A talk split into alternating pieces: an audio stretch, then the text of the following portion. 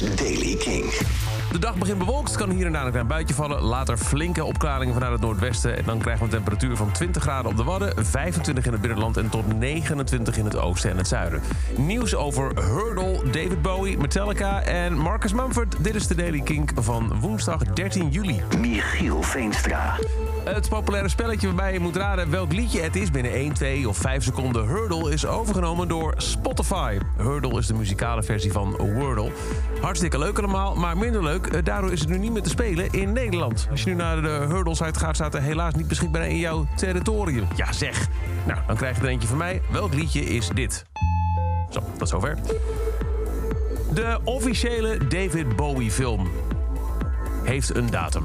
Moon Age Daydream is de eerste film goedgekeurd door de R van Bowie. Komt uit op, ehm, op IMAX-formaat op 16 september 2022.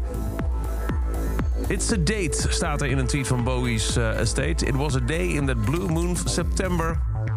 En dat is dan weer een stuk uit Remembering Marie A. Een oud nummer van David Bowie. 16 september dus in de bioscoop. Eh, Master of Puppets blijft doorgaan met eh, records breken... door de opname in Stranger Things. Het eh, haalde al de top 40 van de Billboard in Amerika... en nu ook in de UK. Lijkt het nummer voor het eerst ooit de top 40 te halen.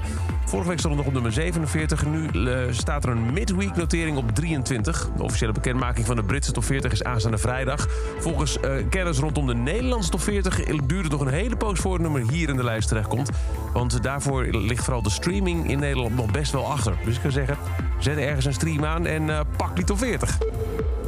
En gisteren vertelde ik jou wat meer over het solowerk dat Marcus Mumford heeft aangekondigd. Hij heeft nog meer aangekondigd.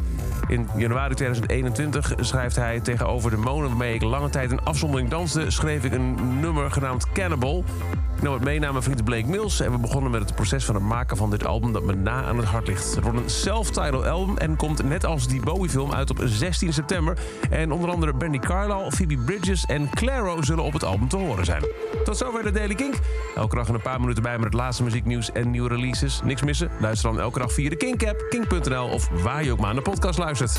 Elke dag het laatste muzieknieuws en de belangrijkste releases in de Daily Kink. Check hem op kink.nl of vraag om Daily Kink aan je smart speaker.